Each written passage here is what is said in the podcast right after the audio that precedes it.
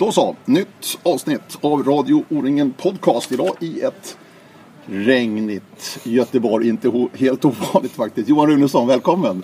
Tack så mycket. Kul att ses på det här sättet. Påverkas du av vädret förresten? När det är sånt här uselt väder som det är idag?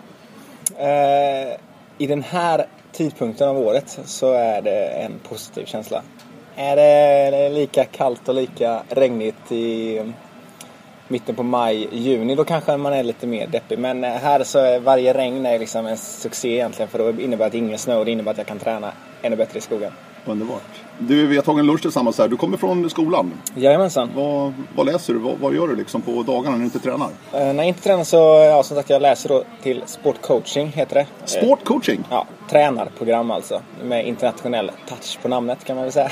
Okej. Okay. Uh, så det är ett treårigt program på Göteborgs universitet. Så att jag har en förhoppning om att liksom kunna då... Med, jag har ett sånt idrottsintresse så att eh, jag ser mig själv verksam inom idrotten även när jag lägger av som elitidrottare och då eh, skulle någon form av tränaruppdrag vara väldigt kul. Du har ett väldigt stort idrottsintresse. Du följer sport på alla i alla former egentligen. Ja, det kan man ju säga faktiskt.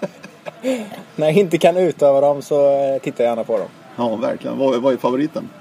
Ja, det, det går i vågor. Ja. Alltså, helt klart, närmast hjärtat ligger väl fotbollen. Och liksom, eftersom jag är så passionerat eh, fan av Liverpool. Så det blir liksom en följetong.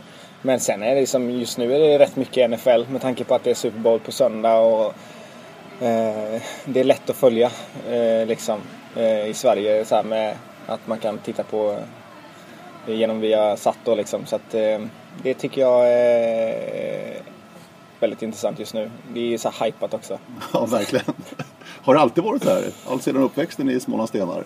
Ja, alltså idrottsintresset har alltid funnits. Jag menar just, ja man är den här klassiska eh, svensken som tittar på Vinterstudion. Liksom det är längdskidåkningen och skidskyttet liksom. Eh, Växte upp med Per Elofsson, Magdalena Forsberg. Alltså just där. Sen har det väl växt kanske till andra sporter och bredare nu eh, med tanke på att internet liksom det gick inte kanske inte att titta på alla sporter förr liksom. Men nu har man den eh, möjligheten liksom. Och eh, då är, följer man i sociala medier och då blir det liksom att man slussas in och får upptäcka nya grejer liksom. Mm. Johan Runesson, det här är en del i de avsnitt jag gör, Vägen mot VM i Sverige, augusti i år, 2016. Jag har några rubriker sådär tänkte jag. Innebandy är en rubrik faktiskt, som du har sysslat ganska mycket med. Utbrändhet är en annan. Men vi ska börja i änden Småla Stenar och Vi vill, där du växte upp. Ja. Var det orientering redan från början, eller var det innebandy? Uh, nej, det var nog orienteringen. Alltså, det blev så här egentligen är ju inte min familj en sån här typisk orienterad familj. För att det var ju inte så att mamma och pappa har liksom alltid hållit på med orientering. Visst, mamma gick någon så här nybörjare när hon var liksom runt 20 vet jag. Och pappa började med orientering liksom efter jag började. Men jag vet inte, på något sätt så när jag var två, tre, fyra så tror jag att eh, då började liksom Anna och Jenny, mina två äldre systrar. Och eftersom de är fem och tre år äldre än mig så blev liksom att då blev det ett intresse från familjen. Mamma klev in och blev ungdomsledare. Och eh, på den vägen var det liksom att då blev det ganska enkelt att jag fick följa med på helgerna och då kom väl liksom, ja, att man ville väl kanske, jag vet inte om man, jag ville väl inte vara sämre än systrarna. Man vill, liksom, man vill ju göra sina föräldrar liksom glada och då ställer man upp liksom. Och det växte ju så, som sagt. Så att sen jag var fem sex så har jag liksom sprungit och just att det får man tacka mamma och pappa. Just det där att man hör, jag hör många idag diskutera så här, när ska man, att man ska följa upp eh, eleverna och man ska vara trygga. Men jag vet jag känner mig, jag vet inte, det kommer jag inte ihåg men jag vet jag sprang liksom inskolning själv när jag var sex år. Och det tror jag nästan, det är så här, tabu idag kanske. Men just att, och då blev det liksom, jag gick till staten själv på O-ringen när jag var åtta liksom och sprang H10. Och då vet jag att mamma har sagt, ja men folk, hur kan du släppa iväg din son? Men liksom, då blir man så här orädd. Mm. Och det är något som jag tror jag, då blir det så kul också för att man utmanas. Även om jag inte reflekterar över att man utmanas när man är 7, 6, 8 år liksom. Eh, men såklart, sen spelade jag fotboll och sen är jag uppvuxen 800 meter från en 400 eh, meters bana. eh, mitt ute i skogen faktiskt. Så det är lite sjukt. Men eh, där har liksom eh, friidrottsklubben i regionen har liksom mittcentret där. Så där ligger en sån bana. Så friidrott, fotboll och sen eh, kom innebandy senare för jag spelade hockey när jag var liten. Okej. Så det blev, eh, det blev egentligen efter den här hockeyn eh, inte riktigt eh, liksom, jag hade inte tiden. Så jag höll på med allt liksom. Så att, men någon gång när jag var runt 12-13 så blev det så att sex olika, fem olika sporter går inte. Då droppade jag av eh, hockeyn och sen bara ett år senare så blev det innebandy liksom i lag. Men sen har jag ju spelat innebandy, har jag ju spelat liksom så här som alla, nästan alla orienteringsklubbar har ju någon form av innebandy på vintern och det har jag alltid haft. Jag menar, på rasterna i hemma så var det alltid innebandy så att det satt ju i och klubbfärdigheten satt ju i så att det växte väl sen. Men framförallt det var väl, jag vet ju när jag var 10-12 det var, det var ju orienteringen så redan då var det jag ville bli bäst i. Sen har man väl sagt någon gång till farmor och farfar eller mormor och morfar så att ja, när jag blir hockeyproffs eller fotbollsproffs då ska ni få varsin bil liksom. Just det. Men det var ju ändå liksom, det var ändå, på något sätt var det ändå, det var ju orienteringen som glädjen och eh, den stora drivkraften fanns. Vi ska återkomma till innebandyn framöver här. Men eh, när fick du dina första kvitton och bekräftelse på att du hade någon talang för orientering då? Ja, det är väl, eh, det är sådär eh, lite diffust. Jag var nog liksom resultatmässigt så var jag, inte jättebra början men så var ju, jag vet, var man, någon gång har mamma sagt sådär liksom Du springer ju bara och typ eh, leker liksom i skogen och så, så det här är ju det är lite skämtsamt så, så hon sa någon gång då så här, när jag varit äldre sagt att så, någon gång så sa du så här, "Jaha, så du vill att jag ska vinna? Så sa jag till min mamma. Då hade hon nog fått lite dåligt samvete. Men hon hade sagt ja, men ja, typ. Och då hade jag sagt ja men okej. Jag ska, ska vinna imorgon då mamma. Så typ. Dagen efter blev jag tvåa och då var det sådär liksom att ja, om jag vill så kan jag väl. Men inte att jag var liksom expert. Det, det var jag inte. Utan jag, men jag var ganska duktig för regionen så att säga. Så att det blev den här liksom att man utmaningen eh, blev så här när man sprang O-ringen. För det har jag gjort liksom sen jag var Eh, jag var med 97 i Västerbotten men då fick jag bara springa öppen. Och det var jag ju arg över. Men sen 98 har jag sprungit i tävlingsklass då varje år. Så det har blivit några år O-ringen. Och när jag var liten så var det ju en numera väldigt, väldigt bra kompis som vann typ allt. Och jag lyckades inte riktigt på O-ringen. Så där den här liksom bekräftelsen att vara riktigt bra eh, kom ju inte förrän jag slog igenom som 16-åring då. Eh, med O-ringen-segern. Eh, Men så det var väl då liksom den här sista pusselbiten egentligen lades för att det är det här jag ska satsa på. Men innan så var det att jag kan, men jag måste få till det alla dagar på en O-ring-vecka. Eller till exempel alla kontroller under ett stort lopp. Vem var den här vännen? Ja, det är Olle Boström Ja, såklart. precis. Han vann ju allt på den Ja, här han tiden. allt. Han var otroligt bra Ja, som var- ungdom. Han är fortfarande otroligt Ja, bra. väldigt bra. Han var ju bästa skogslöpare förra året om man Ja. tittar tillbaka. Så Helt att, eh, klart. Helt klart. Ja, det, är, det är väldigt spännande. Eh, ni är 90 år båda två. Ja. Född 90. Det är en ganska bra generation det där. Ja, Har du vi, tänkt på det? Ja. Vi har tänkt, jag har tänkt på det och jag vet att mina kompisar har tänkt på det eftersom eh, jag antar att det blir väl så i alla landslag att eh, ha, vi har sprungit i landslaget, både, alltså nu då man säger jag, Jonas, eh, Gustav och Olle då. Eh, som alla vi fyra förra 90. Vi har ju sprungit landslaget sedan 2007-2008 tillsammans. Och det har ju liksom, det gör ju att jag och Jonas gick i samma gymnasium tillsammans och Olle gick i, är från Stockholm och Gustav är från Stockholm och de upp, eh, springer liksom klubbar som är grannklubbar och de gick på olika gymnasier då men liksom det är verkligen en sån eh, Någonting man kan luta sig tillbaka på liksom, att man har alltid kompisarna. Alltså jag åker iväg på en landslagsaktivitet när man var liksom 21, ja det var aldrig skrämmande för att ja, man hade alltid med sig kompisarna. Nu är det är det ju inte en skrämmande miljö för jag tycker det är, liksom, det är bra så men eh, just att det finns alltid någonting man kan, mer än bara en, en, en tävlingskamrat utan det är liksom, det finns någon slags trygghet i, i en kompisrelation också. Ja, jag träffade ju Olle Boström här innan jul, ni som hänger med oss här på Radio O-ringen Podcast. Och vi pratade just om det här och att det verkligen har sporrat er. Att ni var så pass duktiga. Det kanske inte visste då riktigt men Nej. det har verkligen härdat er på ett bra sätt. Jo, framförallt det här med, alltså just som, jag, jag, för min del så har ju Olle en väldigt stor betydelse för min utveckling. Just det här att han var omöjlig. Att jag var tvungen att bryta mina barriärer. För att skulle jag liksom lyckas slå honom då handlade det om, det handlade om att vara 100% perfekt. Alltså det, för han var liksom omänsklig. Det var liksom så jag såg på honom när jag var liten. Så det handlade liksom, jag måste spika varenda kontroll. Jag får inte liksom in, det, du har ingen chans att göra något misstag för då, då är det kört liksom. Och just det här att tänket har med sig, det vet jag, det vi pratar om när vi blivit juniorer liksom. Att det var inte okej att göra liksom ens 10 sekunder. Och det tror jag, som jag har fått höra senare, att det där tänket har inte alla juniorer haft genom tiderna utan det kommer när man är kanske 25-26 liksom. Som teori kommer när han var liksom världsmästare, då sa han sådana saker. Medan jag tror att det hade vi som juniorer, för det var det som krävdes av oss, alltså vår generation. För att, om jag var bra ett år så kan, var inte det innebörande att jag var bra nästa år. För då, kom då hade de andra liksom pushat ännu hårdare. Så att, liksom just att man drev varandra till att pressa gränser liksom. Flytta fram eh, vad som var möjligt liksom. Framförallt inom tekniken då. Alltså det var där man inte var utvecklad lika mycket än. Så att det handlade liksom om att nå längst fram i tekniken liksom. Vad kände du när Olle vann VM-bronset på medlen i Skottland? Du var ju inte med då och sprang. Nej, då satt jag framför TVn och Ja. hoppades och Vad kände du? Eller vad kände du? det var... eh, Det är klart att man... Först och främst vill man ju vara där också liksom. Framförallt så kände jag egentligen så kände jag en... eh, en vad säger man? Eh, sympati. För jag insåg ju direkt att han var förbannad. Vilket inte eh, kommentatorerna såg på TV. Att han hade ju missat om det var antingen sista eller näst sista. För det gick inte att se Ja, på... näst sista sista. Ja, jag tror det var så. Ja. Och då var det ju att det där kan vara att medaljen var det första jag tänkte. Eller guldet liksom.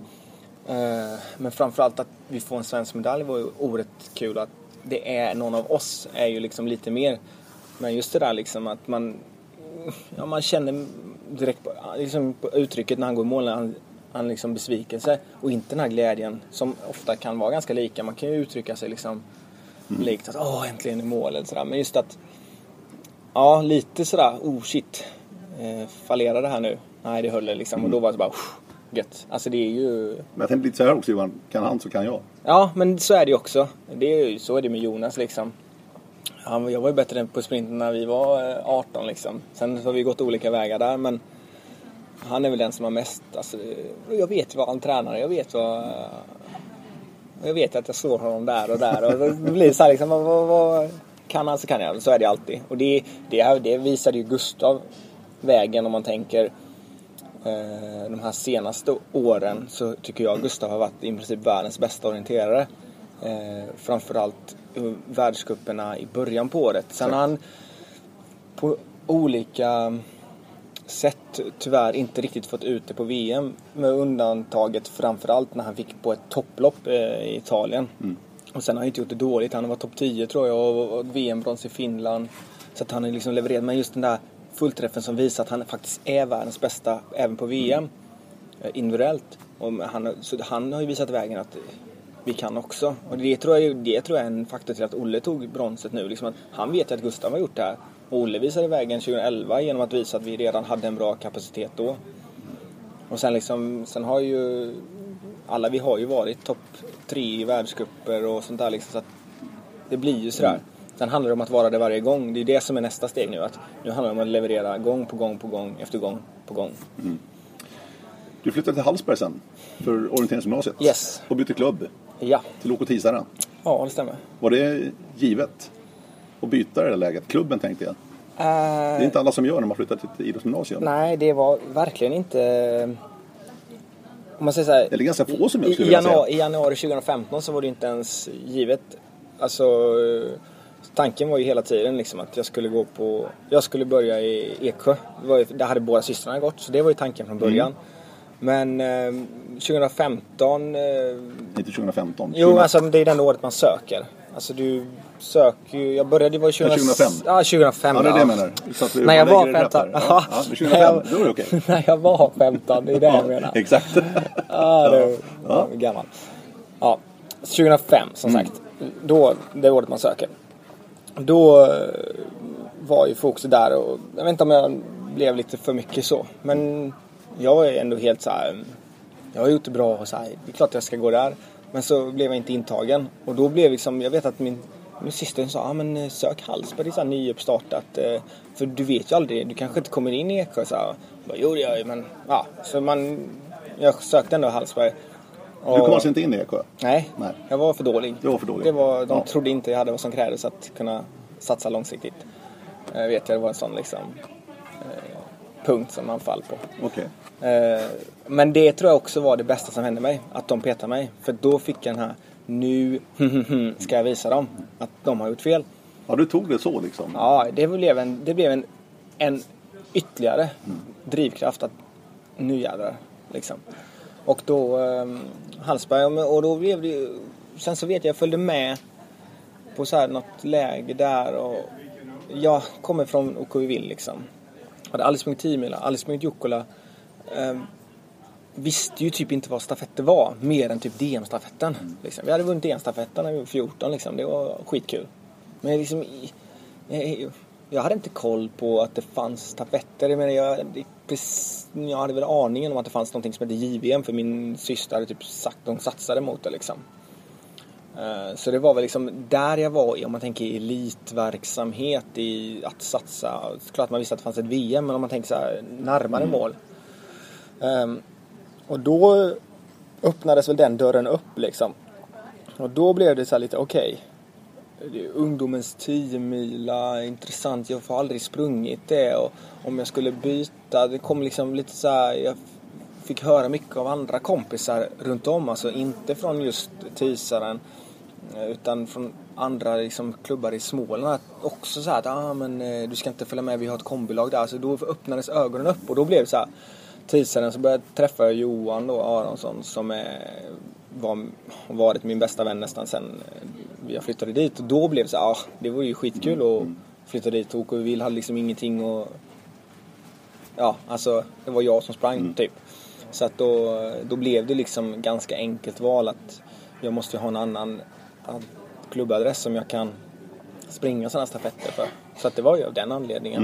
Och sen tycker jag att det var, Tidsaden är en optimal klubb när jag flyttade dit för just en juniorsatsning. För det var många, vi hade Johan då som var med i juniorlandslaget som var två år äldre än mig, eller han är ju två år äldre än mig. Och just det här liksom att det, jag hade som en, en förebild, en mentor som kunde visa mig vägen liksom. Att, att få det här liksom steget verkligen, det är det här som krävs. Ja. Alltså få dem så jag kan liksom printa ner, okej, jag måste vara lika bra som dig på intervallerna. Jag måste, alltså det blev så enkelt liksom. Och då blev det ett naturligt val. Hur var det annars då? Flytta hemifrån? Stå på Ja. egna ben? Ja, det var hur, var, hur var den omställningen? För att det kan vara en ganska stor omställning. Ja, jag är ju... Flytta hem från mamma och pappa liksom hemifrån. Ja, det var, det var nog svårare än vad jag, vad jag... Alltså, det var svårt för mig. Det var tufft. Jag fick ju... Efter ett år så valde jag faktiskt att flytta in eh, till en familj i Hallsberg. Så jag flyttade in med en klasskompis, Lilian Forsgren. Och bodde hemma hos deras familj inför hela 2008 då. Eh, för att eh, det, jag var ganska liten och liksom blyg och sådär. Men i kanske rätt sammanhang så kanske jag inte var så blyg. Men liksom eh, följde kanske lite efter strömmen och sådär. Så att jag blev ganska påverkad. Så att jag, det var inte jättelätt att flytta hemifrån och allt det där. Så att då var det skönt att ändå få någon slags extra mamma. Eh, Så det uppskattar jag mycket så här efterhand. Att också att då kan man få någon som hjälper en att stå för sina värderingar och sådana extra. Det har betytt väldigt mycket. Och det är, det är en sån sak som eh, många inte tänker på när man flyttar när man är 15. Liksom. För att det var klart att det var skönt att flytta från mamma och pappa liksom. Och att få flytta in med kompisar. Men allt är inte bara bra heller utan det finns ju sådana som man ska vara med på att det kan faktiskt påverka en. Och sen för mig var det annorlunda eftersom jag flyttade alltså 34-35 mil hemifrån och det innebar typ att jag vet att skulle jag hem en helg så var det liksom åka innan skolan har slutat för att komma hem klockan nio på kvällen. Och sen måste jag åka på söndag vid typ 11-12 på morgonen för att annars hinner jag inte hem. Alltså det var så lång resa så det innebar att jag kunde inte åka hem.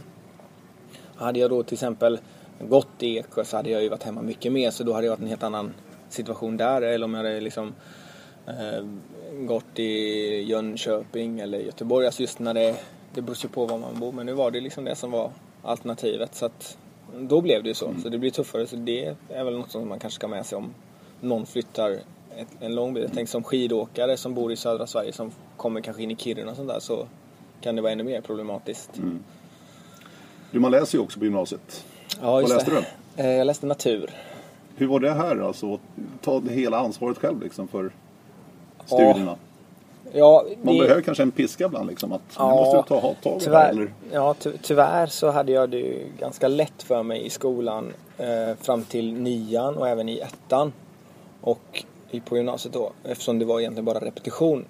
Eh, och det var så här liksom att, ja, det är inte alltid bra att ha det lätt för sig för att när det väl ja, kommer i liksom här, man måste kanske lägga ner mycket men för mig var det också så att eh, just jag fick en sån bra start på gymnasiet med min orientering. För då kommer vi in liksom på hösten 2006 och våren 2007. Och då, hösten 2006 gick det väldigt bra. Jag vann O-ringen direkt innan och sen vann jag USM.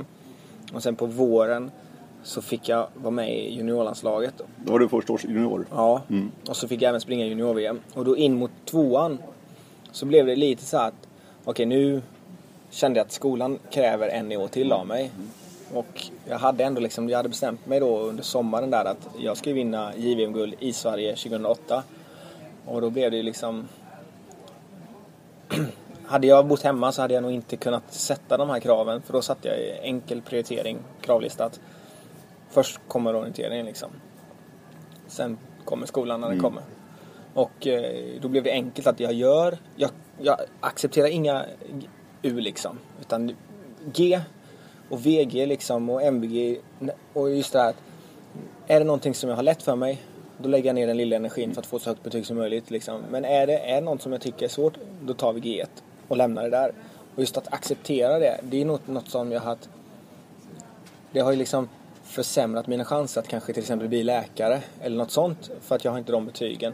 Men just att bara göra prioriteringar och följa och ha en acceptans i att det är okej att inte vara bäst på allt. Eh, har det ju hjälpt mig till också liksom. Så att det har ju både sina fördelar och nackdelar såklart. Mm. Men eh, eftersom jag var då ändå liksom på ett sätt eh, det var ju mitt beslut. Man kan nog påverka sina föräldrar. Som sagt, jag bodde då hemma hos en familj med dels en till inneboende från Schweiz, Bettina Erby. Så att vi var liksom tre orienterade. Varav de andra två är var totalt överlägset begåvade än mig i skolan. så att jag fick väl, det var väl också bra att jag ändå bodde där för de gav mig lite skuldkänsla som gjorde att jag kanske satt lite oftare vid eh, liksom, mm. böckerna än eh, vad jag hade gjort annars. Mm. Så det var väl en fördel då, så att jag fick det på en lagom nivå som man säger i Sverige. Liksom. Så att det ändå blev liksom viss skolarbete men framförallt var ju fokuset på träningen och på liksom sommaren 2008 mm. egentligen under hela det året. Men jag tänker så här Johan, eh, sätter backspegeln lite grann. Och för de som lyssnar också, som kanske är på väg in i den här åldern, junioråldern och idrottsgymnasier och annat. Ja. Är det någonting du har gjort annorlunda när du ser idag så att säga? Hur det blev för dig? Alltså, det där, det är det som är... Man ska ju ha klart för sig att det är inte så, det är inte lätt att lyckas inom en sport heller. Alltså det, det är klart att, att det... Jag menar, det, det vet jag så här, som vi har pratat om, det, det är ju det är ett tufft beslut att ta för hade liksom, ja, man kan ju bryta benet nästa dag och då, då, har du ingenting att stå nej, på liksom. Nej, nej. Ehm, men samtidigt var det liksom det som krävs av mig för jag är en sån person jag, som gör jag någonting så gör det till 100%. Och jag ville liksom verkligen engagera mig. Jag har ju liksom i mitt huvud har det alltid varit klart liksom att jag ska bli så bra det går orientering. Men sen handlar det ju om att man måste se helheten också. Och det är väl lite det att Ja, ja. Men jag, på något sätt så visste jag också att jag kommer aldrig bli läkare. Nej. Jag vill inte bli läkare heller för den delen. Liksom, jag, jag gick natur liksom så, här, så att jag hade ju valmöjligheter.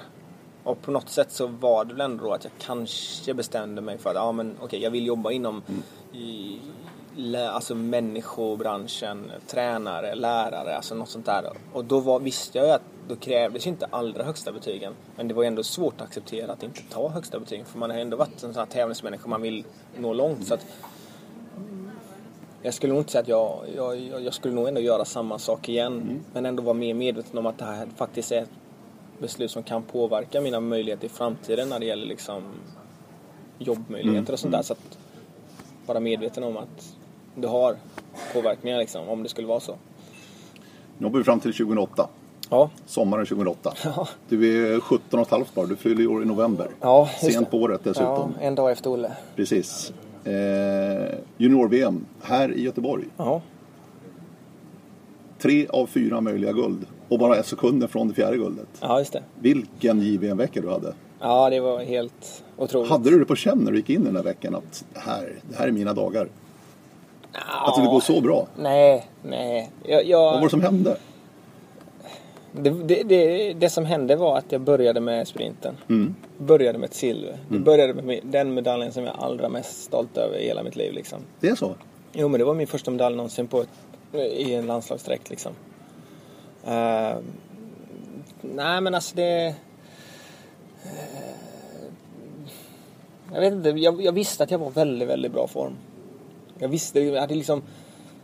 Jag hade haft ett sånt här JVM-test eh, kanske en månad innan, ja kanske lite drygt en månad innan. Där liksom nästan de allra bästa hade varit med. Jag hade sprungit medeldistansen och jag vet att jag, jag vann den kanske med två minuter eller någonting. Så det var liksom en riktig kross. Så jag visste att jag var bra. Jag hade gjort bra träning. Jag hade liksom jag hade kört de här tuffa intervallerna. Jag hade, liksom hade plågat mig igenom det där. Och sen så eh, hade jag väl haft tillräckligt mycket vila och allt det där liksom. Men det var... Framförallt så var det ju... Jag vet inte, under alla de junioråldrarna jag sprang så tyckte jag det var så jädra kul att vara iväg. Ja, det, jag får ju tacka för alltså, Ismo och Anneli och sen var det ju Niklas och Anneli och sen var det Thomas och Anneli liksom. Det, var, det, var, det är tack vare dem som den här stämningen skapades. Så, liksom jag vet, alltså det jag kommer ihåg mest av junior-VM är egentligen inte medaljerna i sig. Jag kommer ihåg det andra liksom. Jag vet att eh, antingen så var det, jo men det var innan sprinten. Så var vi iväg söder om stan eh, och, och spelade rullstolsbasket liksom. Det, är Okej. liksom. det är mitt största minne från den eh, veckan egentligen. För att vi spelade basket och eh, rullstolsbasket liksom. Och det innebär Okej. att man kör ju, vi körde ju järnet vilket innebär att efter så hade man ju, eller ja, bara halvvägs in i matchen då. Eftersom såklart Mm. skulle vi tävla. Eh, så att då, alltså jag hade ju blåsor, det gjorde ont och bara I skrek i händerna. händerna. Ja. Och, Och var här- runt stolen liksom? Ja, ja. Och, vet, och vet man bara, man hade ju full fart och sen så man, man ryckte ju liksom med händerna bara för att stanna. Och det bara gled ju liksom hjulen då. Så att, men det är liksom sådana där grejer som att det var så sjukt kul i laget. Att, och just att det var med Olle och Gustav var med då också. Liksom, just det här att det, det var det roliga liksom. Och sen, för det vet jag, det pratade vi om.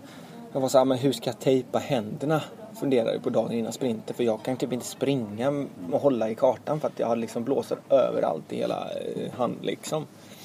Eh, så det var liksom tejp och sådär. Och det var liksom det jag kom ihåg. För sen vet jag, mellan kvalet på Meden och Meden tror jag vi spelade eh, beachvolleyboll. Och då var ju blåsorna liksom, då kom det grus och sand in. Det var sådana grejer man kommer ihåg. Som gjorde att man fokuserade ju inte på att Åh, nu ska jag tävla, nu ska jag tävla. Och nu, nu är det bara två timmar kvar. Utan det var liksom Ja, oj, nu är det dags. Och så visste jag då att man var i bra form så då kunde jag vara lugn med det. Och sen så bara, nu går vi ut och kör vi. Och det...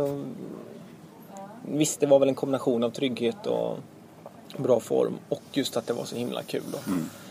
Eh, så att jag var i någon slags... eh, mitt, mitt tillstånd, min... Ja, mentala eh, förmåga var så hög så att det var liksom... Allting var perfekt liksom. Eh, och då gick det ju bra. Men med den här veckan då här i Göteborg, tre guld och ett silver. Mm. Så blev du Sveriges stora talang liksom för framtiden. Mycket Ja. förväntningar kom på dig där Johan Ja. efter det där. Du Ja. fick åka till Sälen och springa O-ringen, världscupen i seniorklassen direkt efter det där i princip. Hur, hur, hur liksom var det där efteråt? För att eh, det var ju enormt alltså, men hur tog du det? För det kom ju väldigt mycket förväntningar med det här alltså. Ja, det gör det. Alltså det, det, det är, intressant. Det är lite baksidan av Ja. eh, elitidrotten För faktiskt. då har du ju två år kvar som junior också efter det här. Ja, just det. Så var det. Eh, alltså det där... Nu, nu höll jag ju fortfarande på. Men jag tror att det är... Så att, eh, och jag har lärt mig väldigt mycket av det. Så jag skulle egentligen vilja göra om det eh, också. Men samtidigt kanske... Alltså det, det är ju... Och bara ta ett guld, eller vad då? Nej men liksom alltså allting som det innebär. Just det, men, för jag har tänkt mycket på det här. Alltså, den, att bli uttagen där till seniorlandslaget var ju någonting som var sjukt kul. Men på något sätt där, det var, nej, det var lite synd. Det kanske blev lite tidigt. Eh, jag har blivit lite sådär... Det var, det, jag har blivit väldigt... Um, när man tar ut någon innan. För att det finns en aspekt på det här att att eh, jag liksom blir eh, då lyckas, har sjukt kul liksom, är stolt över sig själv. Och så får man bli inkastad i en miljö där det innebär att okej, du är inte alls bra. Alltså att den, antingen att man får stödet där och det var väl kanske, jag, jag tror inte jag var jag tror att stödet fanns där för mig att hantera det här men jag var liksom inte, vet man, man är junior, eh, eller jag var junior och jag vågade inte ta för mig. Hade jag till dem sagt att ah, jag tycker att det är lite, det är väldigt eh, tufft det här. Alltså, för att det var, andra sidan så var det en väldigt stor lärdom för jag fick precis veta vad det var som krävdes. Alltså jag visste att så här långt efter är jag nu jag vill ju bli världsmästare någon gång i tiden. Så det var både det bästa som hände, att jag fick veta vilken nivå som krävdes så jag kunde börja med det här långa målet. Men samtidigt var det lite för tidigt att få ner mig på jorden och verkligen inse att det är inte alls bra. Utan det hade kanske varit kul att få njuta av det där. Att bara få leva liksom ovanför marken ett tag. Eh, Så att det var både och eh, faktiskt. Så det, för det, var ju, det kom ju väldigt mycket press och just det här talang liksom. Att det är ett ord som är ganska laddat i dagens eh, Ja, Sverige liksom. ja. Att man var att ja, nu ska, vad, vad, vad förväntas nu att jag ska uppnå liksom. Och det satte väl eh, press. Jag, jag tror ju att det var anledningen till att jag fick vattenkoppor året efter. Att, att, att all den här pressen att nu ska jag vinna igen. Allt det, allt det där. Och jag, för jag hade haft lite småskador. Det är egentligen 2009, alltså den våren. Alltså från vintern 2008 till våren 2009 är väl egentligen enda gången jag varit ordentligt skadad. Och sen dessutom fick vattenkoppor precis innan eh, JVM så jag inte kunde vara med. Nej. Jag tror att det sitter helt i huvudet framkallat liksom. För att jag inte trivdes med pressen som hade vuxit fram. Nej. Är det någonting du har tagit med dig också in i senior? För du fyller ju 25 nu i år Johan. 26. Ja, 26 är det. Du är 25, Ja. precis. Så ska det vara. Är det någonting du har tagit med dig också? Alltså den här förväntningen och pressen fortsatt i seniortid? För att du har ju liksom inte fått till den där. Nej, Ja, du har ju ett SM-guld i Ultra i och för sig alltså, men ändå som senior. Ja, jo, Har du liksom tagit med dig det här? Så är det nog att, att eh, framförallt så blev det ju framför, framförallt så var det för mig att eh, under juniortiden så var allting handlade om glädje. Ja. Allting handlade om att det var så himla kul. Men jag tyckte ju faktiskt så jag tyckte att det försvann direkt nästan när jag blev 21. Eh, väldigt konstigt egentligen men, men jag upplevde att det var en, det är en helt annan miljö.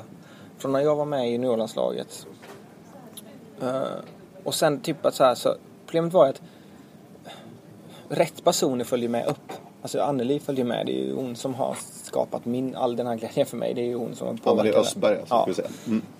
Ja, det stämmer. Ja. Och just det här att hon klev ju med upp i landslaget. Men problemet var att, inget ont om, eh, men det var ju inte vi juniorer som var den stora mängden. Så att det var liksom en annan, det var en annan jargong av de, om man nu får kalla dem lite äldre löparna som var i landslaget då. Och där upplevde jag som junior att det inte var den här glädjen. Så jag hade väldigt svårt att liksom de första åren och sen har väl vi, sen försvann ju Anneli när vi blev, när det var vi gänget som hade varit med om det här sammanhållningen och allt vad det var. När vi verkligen var den dominanta delen, typ e- efter Finland VM liksom, då var vi, då var både jag Gustav Olle, Jonas, Albin som är ett år yngre än oss och Jerka som är ett år äldre än oss. Liksom, när det var vi som verkligen hade sprungit de här junior på killsidan så var det även tjejer som har varit med på samma gång eh, där. Eh, då försvann hon. Mm. Och det har ju, därför har jag haft svårt och det var nog det som gjorde att jag till slut sen faktiskt var tvungen att Så det betyder av. så att- mycket alltså att Anneli hoppade av? Ja, för mig var det svart på vitt. Att Det var så? Ja, då orkade jag inte riktigt eh, hitta den här. Jag hade liksom, jag tyckte liksom, jag funderade liksom på att, ja men ska jag springa liksom med en typ tröja under landslagströjan för att jag på något sätt förankrar någon form av glädje. För att jag, jag hade inte, det försvann någonting där. Att Det, det blev så himla allvarligt. Jag vill inte, jag håller ju på med det här för att det är kul, jag håller på med för att det är liksom det är min hobby, det är inte mitt jobb liksom. Eh, men det blev liksom ett ansvarstagande, att det förväntades och det, du måste leverera. Alltså det kom de här, alla de här mentala idrottspsykologiska aspekterna som man inte ska ha, tyckte jag kom från mig då. Jag tror inte, frågar du någon annan under den här tiden så har ju de helt andra upplevelser och de kan Ja, men självklart. alltså, så, så det här är ju inget som Nej, nej, det sånt här. det speglar ju inte nej, nej, det utan det förstår är jag. bara min, Ja, min visst. Mm. uppfattning som sagt. Eh, så att, så att ehm, så det blev ju liksom väldigt skumt, eller så, för mig då. Mm. Ja. Och sen tog det ju en stund för att den 1 september då, 2014, det ja, ett och ett halvt år sedan kan vi runda av det till ungefär. Ja. Då skrev du på din hemsida i din blogg att tappat motivationen, glädjen har försvunnit. Och då, vad hände där alltså? Då, då tog du något beslut liksom att Ja. ja, men det var ju efter VM i Italien Ja. så kände jag liksom att på den här, den här liksom arbetssättet eller det här tillvägagångssättet som jag har nu, det, det, det gör mig inte bättre. Alltså jag, jag är bra, eh, men jag vill inte vara bra, jag vill vara bäst. Och jag vill, jag vill liksom spränga gränser, jag vill eh, liksom uppnå, eh, sätta utmaningar och nå dem liksom. Och jag vill liksom, jag vill vara pressad fast av mig själv och på, på rätt nivå och klara av det. Alltså det är liksom, det är så jag vill jobba med mina mål och med mina, min drivkraft och, och det hade jag inte. Men det här var ju, då tog du ett steg tillbaka. Nej, okej, landslaget släpper jag nu. Ja, Det var ju det som Ja, jag det beslutet du jag tog. släppte ju orienteringen Ja, jag vet det. Men liksom landslaget, det är just nu nej. Mm. Och orientering också som du säger. Så förra vintern då kan man ju säga. Då gjorde du någonting annat. ja då, då var det så att då började det liksom, nej men nu, nu måste jag börja med det roliga liksom. Jag hade ju fortfarande väldigt kul eh, i klubbverksamheten och liksom såg fram emot 10 mila Jukkola och det där. Och det blev väldigt svårt för att jag kunde ju inte riktigt känna att jag, jag vill inte, jag, det blev lite svårt att sitta att ja, men jag vill inte satsa på orientering för jag, jag kan inte lägga ner den energin på någonting som, ja, som jag har gjort så mycket. Men så då, eh, för att liksom få någon form av eh, träning och, och vissa sprang väl liksom intervallerna på tisdagar, försökte ställa upp sådär men så då började jag spela innebandy igen. Som jag liksom hade höll På på, riktigt med. Nå, inte på riktigt men jag hade spelat på riktigt i, även i Hallsberg. dag. Men då blev jag liksom, ja men nu ska vi spela i något, något form av lag, någon form av träning. Men så kände jag, jag kan inte gå med, jag kan inte gå med på, vad heter det, mm, högsta nivå liksom. Så jag fick gå ner i, ja, korpnivå liksom, på den nivån liksom. Eh, Så då började jag med det liksom, för att få en strukturerad träning och få lag, få lagkänslan. Eh, Där man jobbar mot ett mål, liksom, att vinna. Så typ liksom, ja. Det i princip handlar ju om att vinna och ha träning med tränare och allt det där liksom. Man är 20 gubbar liksom som verkligen bestämmer sig. Vi har mål, vi ska liksom ta oss till slutspel, vi ska vinna. Liksom för att gå upp eh, till högsta serien och sådär liksom. Så att, och sen vara med om... Och just den där biten, att få ett helt annat perspektiv på det hela. Och göra någonting som jag framförallt tycker är väldigt kul liksom. Du skriver här att du var innebandy och du tränade cirka två gånger i veckan då bara förra vintern. Ja, Alltså inför då säsongen 2015. ja i början. I början ja, precis. Fram till en dag i februari. Ja, det var en sån där. Jag kan ju... Så att det här var ju en form av utbrändhet som vi pratade om. Ja, det det. Som du hade då. Ja, ja, men det kände jag ju. Efter 2014. Ja, jag hade väl känt det redan kanske under sommaren 2013 fast det liksom Ja, redan då alltså. Ja, jag vet jag hade ett samtal med min tränare någon gång och sa det. jag känner mig lite tung i låren. Och så var det så här, den, den kommentaren var rätt återkommande eh, under hela 2013 och sen 2014. Så att. Men sen är det så mycket man hör, där, vet, ja, men folk säger att de är tunga där och så, alltså, ja men du vet han bara snackar. Alltså, så det blir det man, man, jag stöter ju undan det också liksom. Så, ja, jag är väl, jag är väl liksom klen. Det är liksom, det är, tyvärr är det lite den här gången att det är både på gott och ont. För ibland är det faktiskt så att någon säger någonting som för att skylla ifrån sig. Men ibland kan det också verkligen vara det. Så att det är också sådär, när ska man lyssna eh, på sig själv? Men du, jag läser till här från Ja. din blogg. Ja. Men en dag i mitten av fe- februari vaknade jag upp i sängen och helt plötsligt fanns den där glöden, motivationen och målet som en blixt från klar himmel. Och det är alltså precis ett år sedan, alltså februari förra året, då, 2015. Mm. Vad, hur gick det där till? Nej men alltså målet och drivkraften att, att vinna VM försvann ju aldrig. Men, men just det här att, att göra det nu, att arbeta mot det nu försvann ju. Och jag vet inte, det var väl så här att Kanske en påverkande faktor att det faktiskt började närma sig. Alltså att det började liksom Då pratar vi VM i Sverige. Ja, alltså det, nu började det liksom, nu var det ett och ett halvt år kvar då, lite drygt. Ehm, och sen, men jag vet inte, alltså det, det är svårt att säga. Utan framförallt det här hade tagit avstånd, jag hade släppt alla de här kraven och ja, allt vad det innebär att satsa liksom. Eh, men jag menar ju, och så kanske började jag reflektera lite mer. Jag hade en ny tränare då som vi började ju samarbetet liksom då under den här perioden men liksom det fick ju gå som det går då. Eh, Vem är det som är tränare för det? Ja, nu är det Leif Arne då, Karlsson som han heter. Eh, gammal cyklist och tränare för Roddan. som- Mikael Roddan Andersson. Ja, så att det är liksom ett helt annat tänk mot vad jag tidigare haft då. Eh, som då kanske egentligen började ordentligt i februari, får man väl säga då, eh, för ett år sedan. Vad har ni för typ av samarbete?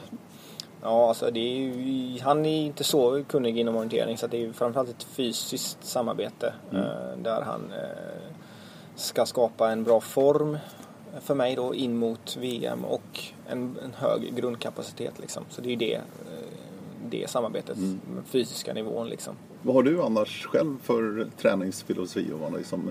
Nej men innan så var det mycket så här liksom att ja, ofta var det som när jag var junior då var det liksom okej, eh, JVM, långdistans, 70 minuter, 10 km, 11 km beroende på var. Så då var det så här, ja men var det 11 km på söndagsträningen då var det full rulle, 70 minuter. Helst under. Puff, pang, klart. Ja, bra. Då var man liksom så. Var det medeldistans, fullt ös. Eh, var det intervaller så körde man allt man kunde första och sen så blev det en jättedålig träning för att man var sprängd. Eh, helt... Det var ingen pulsklocka på den tiden. Nej, nej, nej. Juniormässigt som man säger så att eh, eh, inte så smart kanske men För nu har du koll på läget på ett annat ja, sätt. nu är det väldigt baserat. Eh, Och sen blev det med det här mängd. Men bara mängd tänket. Alltså ut och jogga på morgonen. Eh, och liksom rulla på. Men då... eh, Ja, det var det som gjorde att jag blev... Jag började träna mer. Jag började träna långsammare, ja. Men inte tillräckligt långsam. Utan det, på det sättet som typ alla orienterare gör tror jag. Om man får ta, alltså det är ju väldigt olika men alltså, om jag tror man sammanfattar orienteringsträningen inom Sverige så tror jag att ganska många springer liksom, man har de här intervallpassen eh, tisdagar eller onsdagar eller torsdagar när man har klubbträning. Och så kanske man har något styrkepass också. Men sen just det här när man springer så springer man, man springer inte fort, man springer inte långsamt. Och så springer man där. Och så kanske man då, sen är det ju de som inte tränar tillräckligt mycket, så spelar det ingen roll. Men för de som ändå satsar en del så blir det liksom ganska mycket timmar. Och då när man, det märkte jag det var väl det som gjorde det i samband med tävlingarna liksom, när de kommer igång.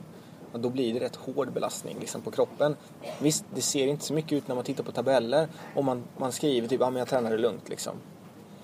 Men för mig då när jag började nu då träna med pulsklocka, och lägga upp pulszonerna och just att han har en filosofi som är liksom från cyklingen liksom att ja, när du tränar lugnt då ska det gå så sakta så att du liksom du ska tänka på de här italienarna som du ser när du är nere i Italien och när de cyklar uppför. De bara trampar, kommer ingenstans och du funderar på hur tusan kan de spurta ner dig och köra ifrån dig på en tävling sen för de ser ut som de inte rör sig liksom.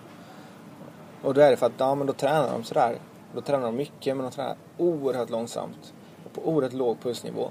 För att när de sen ska köra fort, då ska de kunna springa så fort eller då cykla så fort som det bara går. Så att nu är det liksom att jag tränar mycket för att kunna träna stenhårt när jag ska träna stenhårt. Alltså, det är liksom det tänket jag har. Okej. Och alltså då måste jag ju, som sagt, ska jag träna då, ska jag orka en långdistans liksom på 90 minuter, då måste jag ju kunna vara ute liksom ganska mycket längre än det om jag ska träna långsamt. Så därför handlar det liksom om att när jag väl tränar så tränar jag väldigt länge. Eller så tränar jag då väldigt hårt. Och då blir det kortare slag. Hög Så- intensitet Ja, alltså. hög intensitet. Då är det liksom, ska jag upp över 95% av min maxkapacitet liksom. Så det är mycket så här liksom att jag verkligen, jag har liksom varje intervall eh, som jag tränar, när jag har intervallträning, så har jag liksom ett mål att jag ska verkligen försöka pressa mig över en viss pulszon liksom. Eh, men sen inte då att ta bort känslan som man haft förr. Alltså, gör jag ett bra pass i känslan så är det inte svart på vitt om jag har 188 puls. Utan det handlar ju också om att man, är, man har olika dagar. Så att liksom, man kan ju inte bara titta svart på vitt. Men liksom, lite så är målet är svart på vitt. Men alltså, analysen får ändå vara liksom, man får ju koppla det till. För det var lite det som jag gjorde fel när jag började med pulsklockorna. Alltså när jag flyttade till Göteborg. Det var så här, ah, okej, tittar man på klockan. Ja, nej det här var ett dåligt pass. Alltså så att man inte har med känslan. För det är också väldigt betydelsefullt. Du, eh, 2015, du skriver ju själv det, det var eh, höga toppar och djupa dalar. Ja. Året 2015, efter det här februari när du vaknar upp och hittar glöden Ja, igen. ja, herregud. Det var ju, jag var inte så bra då kan jag säga. Nej, men och sen så var det ju en tuff inning på Swedish League också uppe i Åmål. Ja. Ett fysiskt utmanande test verkligen. Ja. Och då, då var du tillbaka till verkligheten lite grann. Ja, det var så här, då, då, var ju, då var ju jag inne, jag var ju, huvudet var ju helt klart med att nu är det liksom, Ja, nu är det satsning som gäller. Med kroppen. Eh, Framförallt VM i Sverige, men visst, det låg väl kanske någonstans, ja men det skulle inte kunna vara helt omöjligt eh, att kanske springa VM i Skottland. Eh, men som sagt, Ja, du hade det någonstans i bakhuvudet i alla fall. Ja, egentligen inte men ändå. Alltså, Mm. det, jag ljuger ju om jag säger att jag inte hade det för att det växte ju fram. Men rent, så hade, jag, hade jag varit analytisk från början så hade, skulle, hade jag aldrig haft det. Då hade man bara, nej men det är ju, nu tänker vi långsiktigt. Ja, precis. Men man är, jag, är inte sån. Så att det, det fanns som en morot långt nere där. Även om jag sa utåt kanske att ah, jag satsar inte på VM i år. Men någonstans var det väl där kanske. Men då blev det ju verkligen svart på vitt att jag är långt ifrån att vara där jag var en gång i tiden. Men jag såg gamla Johan faktiskt. I Säter.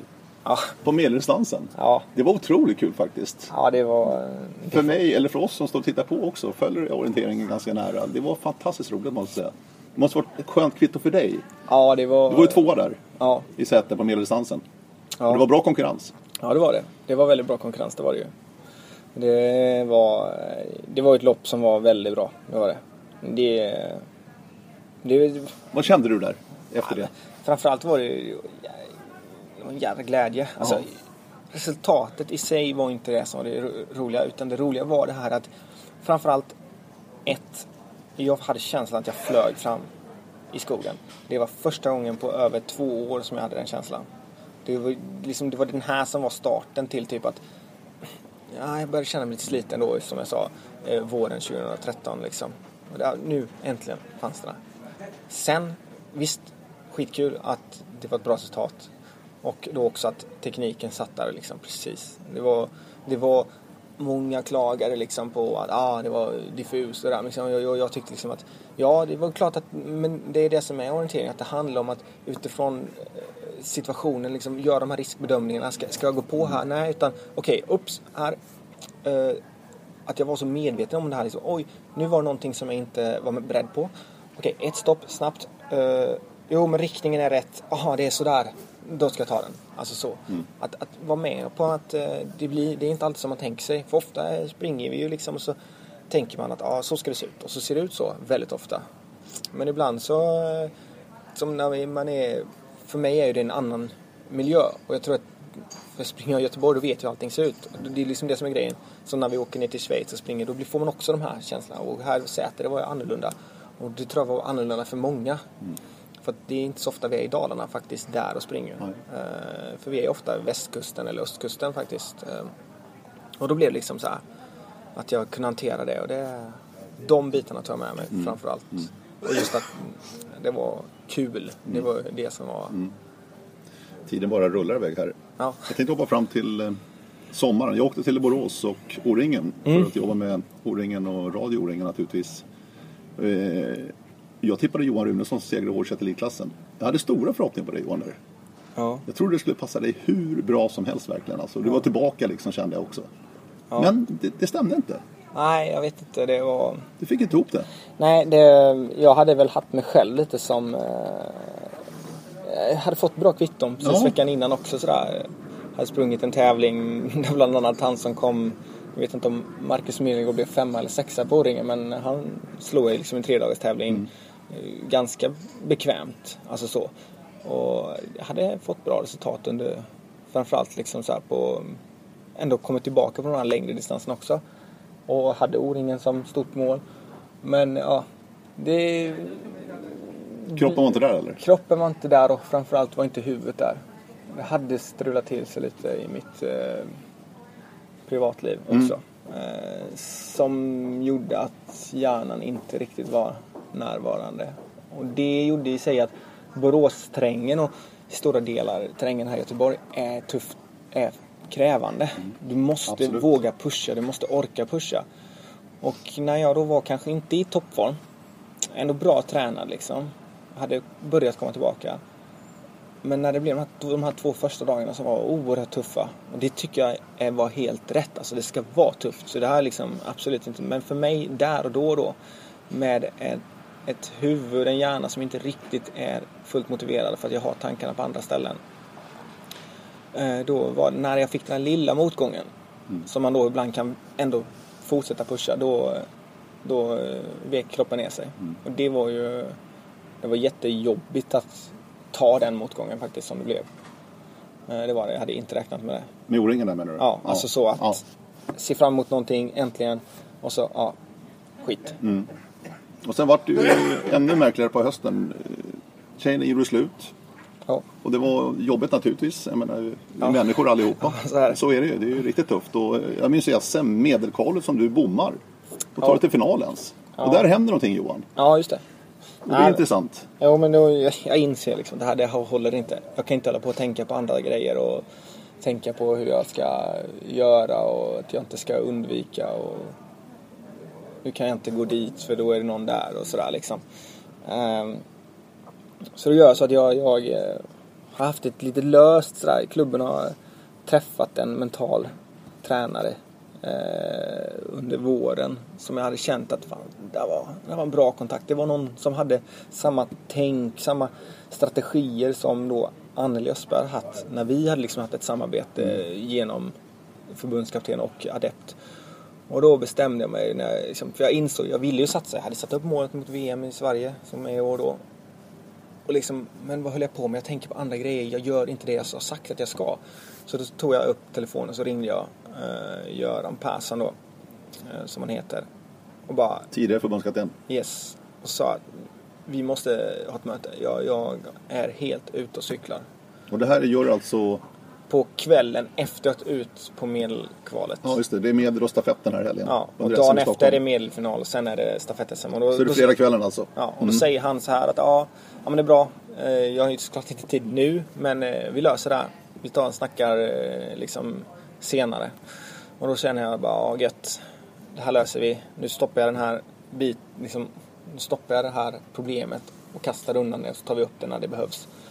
Eh, Men hur är du funtad? Du kan liksom bara, pop, släppa det. För sen så springer du hem med stafetten till GMOK. Ja, ja men Vilken, vilken förvandling! Ja, men det var ju så att jag, jag var ju så orolig, jag hade inte tankarna på plats.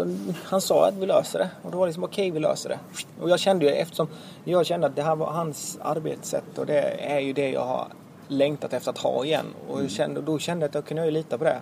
Jag tror liksom trygghet, tillit är ganska viktigt. Och att då, ja, jag kände väl det direkt och då kunde jag liksom stoppa undan det. Och då Har ni träffats nu då efter det här? Du har pratat med honom Ja då, nu eh, har vi ett samarbete som vi har lagt upp så att det ska vara...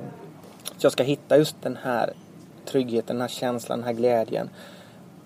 Även med landslaget nu då. Och framförallt då att få en bra plan, ha en bra strategi mot VM i Sverige så att det ska bli liksom det ska vara fokus på kul, det ska vara fokus på glädje, det ska vara fokus, på den här utmaningen som jag vill ha genom eh, liksom att verkligen pressa gränsen.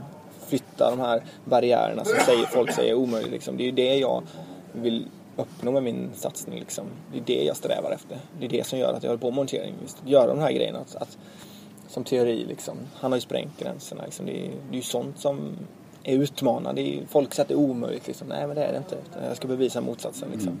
Men du har en otrolig drivkraft i just glädjen Johan. Alltså, det är väldigt tydligt. Ja. Det måste vara roligt. Ja, men så är det ju. Det är nyckeln i allting eller? Ja, det är lite så. Det är många som säger nu då när jag spelar innebandy så liksom, du spelar, är du inte rädd för att bli skadad? Nej. Därför att om jag inte skulle göra det här så skulle jag bara ha tråkigt och då skulle jag inte, då skulle jag inte kunna satsa ändå. Så visst, ja, jag skulle kunna bli skadad. Men det handlar om att göra det jag tycker är kul. Liksom, det är därför jag lever, eller? Är det inte så? Liksom? Ja, absolut. Ja, ja, jag tycker det är fantastiskt att höra alltså. Nu ska vi avsluta det här. Ja. Eh, och som sagt var, vägen till VM, Strömstad, Sverige. Eh, jag tror mig veta att terrängen bör passa dig väldigt, väldigt bra Johan. Inte bara dig Johan, alltså, men de nordiska orienterarna. Ja. Jag inkluderar nog norrmännen där också faktiskt. Jo. Men Norge och Sverige har ju ett försteg naturligtvis. Ja, så är det. Men du tar en annorlunda väg. För du ska gå till Danmark nu Ja, just det. och träna med eh, det danska gänget under ledning av Lars Lindström Mm. i Århus. Ja. Hur, hur kom det här sig? Det låter jättespännande tycker jag. Framförallt är det ju för att eh, i sko inom eh, skolan nu då, alltså universitetet, så ska vi ha praktik i tio veckor. Och då kände jag så här att ja, okej, jag kan välja att göra praktik här i Göteborg. Eh, kommer förmodligen få göra hos någon typ hockeyklubb eller fotbollsklubb. Det är inte så himla intressant tycker jag att gå och följa dem. För det är inte, visst, jag skulle vilja, vilja, kunna vara, vilja vara fotbollstränare någon gång i framtiden. Men jag måste tänka lite kortsiktigt nu och dessutom vad är mest relevant är kanske att börja inom orienteringen. Så att, och då var det så att okej, Sverige, hur, hur tänker vi Sverige? Ja, vi tänker på ett sätt som är så här, ja, det ska... Det har jag koll på, jag har gått på ett jag har varit med i landslagen, jag vet inte, jag bara, okej, hur... Ja, vad, vad, är, vad är det jag inte har? Nej, okej, Danmark har precis börjat på ett helt nytt sätt. Ett tankesätt så det handlar om att samla löparna liksom och träna och ha en förbundskapten som kanske jobbar egentligen dagligen. Jag tänkte, ja men det har ju den kunskapen, det synsättet har inte jag.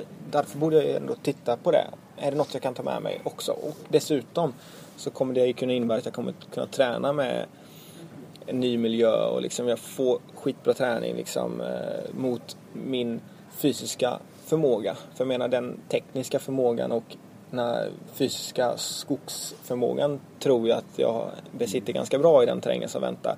Men det är just det, kan jag då öka liksom tre sekunder på stigarna istället så vore det bättre. Dessutom är det en väldigt bra plan inför EM som ändå är en väg mot VM. För det är liknande terräng, alltså det blir kontinentalt och det blir ju lite mer kontinentalt att flytta ner till Århus liksom. Ja, innan du eh, drar dit nu, vad känner du med det danska upplägget som bevisligen har varit väldigt, väldigt framgångsrikt när de samlar elitorienterarna, landslagsorienterarna kan vi säga, i Århus. Där de tränar och bor tillsammans. Mm. Jag- vad tror du om den modellen? Liksom? Vad, vad känner du?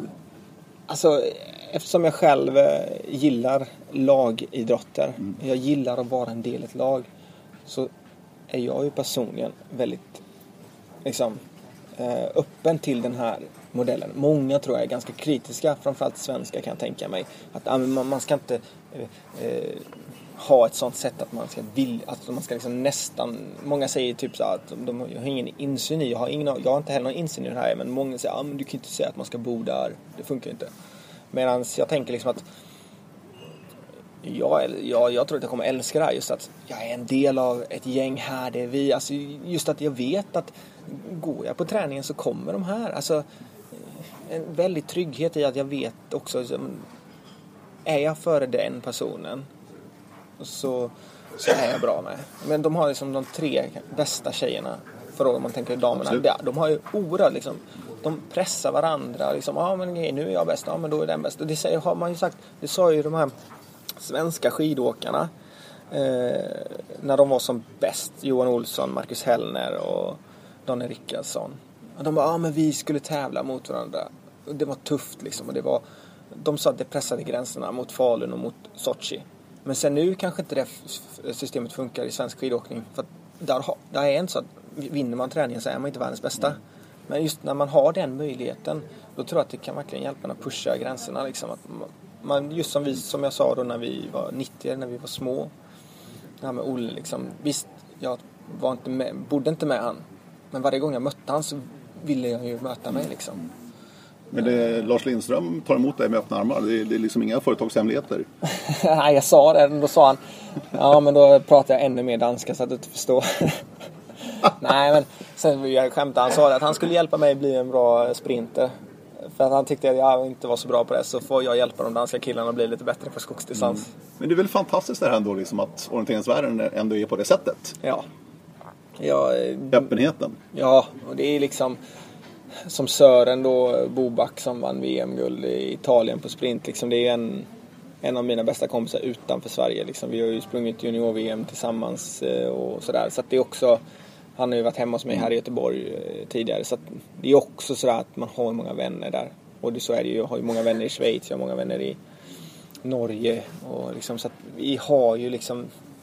Det är liksom det. det är, jag tycker att det är bra att orientering inte är med i OS för att det innebär att det är en ren idrott. Och vi är liksom, det är inga pengar som förstör för oss och jag vill inte att det ska vara så. Det är hellre så här. Jag tycker liksom, jag höll inte på med orientering för att jag ska bli rik så därför jag tycker inte vi kör liksom, av den synpunkten tycker jag det bara är fantastiskt att det är just den här gemenskapen. Och det, det, är liksom, det är det som gör det till att det är en sån fantastisk idrott tycker jag. Och väldigt bra slutord. Jag ska bara sluta med det här också förresten Johan. VM i Sverige. Mm. Vad ser du mest fram emot? Vad har, du, har du något mål? Det finns ju lite olika distanser att välja på. Ja, exakt jag, jag går och räknar dagar. Eh, 23 augusti och 25 augusti. Det är medel och lång? Det är medel och lång. Det är liksom, det är de två dagarna jag ska springa och det är... Och vad tror du har dina största chanser? Jag, jag tror faktiskt att eh, de är eh, den 25 augusti. På lång, lång, långdistansen. Det är, jag tycker att lite sådär liksom, jag hade en bra höst med blodslitet som, ja, det var fantastiskt. Som, som var en slutpunkt. Så jag fick det här kvittot att jag kan springa ifrån i princip kanske kommande världsmästaren. Om det inte nu är jag själv liksom som var med i den här typen av terräng under en ganska lång bana liksom. Och eh, medeldistansen är liksom alltid, alltid mer öppen. Den är, visst, det är lättare att kanske vinna den. Men det är på samma sätt svårare för att det är så många. Alltså, det krävs inte lika hög fysisk nivå. För på långdistansen är det så. Den som är bäst, den är bäst. Ja. Alltså, det går inte att fuska. Det går inte att fuska. Utan, men jag tror och känner att jag, jag ligger så pass bra i fas så att jag kan vara en av de där som verkligen bara går ut, kör och bara grillar och grillar och grillar. Och då är det ganska tryggt att ha 90 minuter att jobba på istället för 35. Jag menar, det kommer ju bli, jag hoppas att det blir till och med en serie på 95-100 för jag skulle verkligen vilja ha ett kraftprov. Mm. Men visst, om de andra springer på 95 så springer jag gärna på 90 liksom. Så är det ju. Vi säger så. Ja. det är bra. Du, eh, har så bra i Danmark. Lycka till säsongen 2016.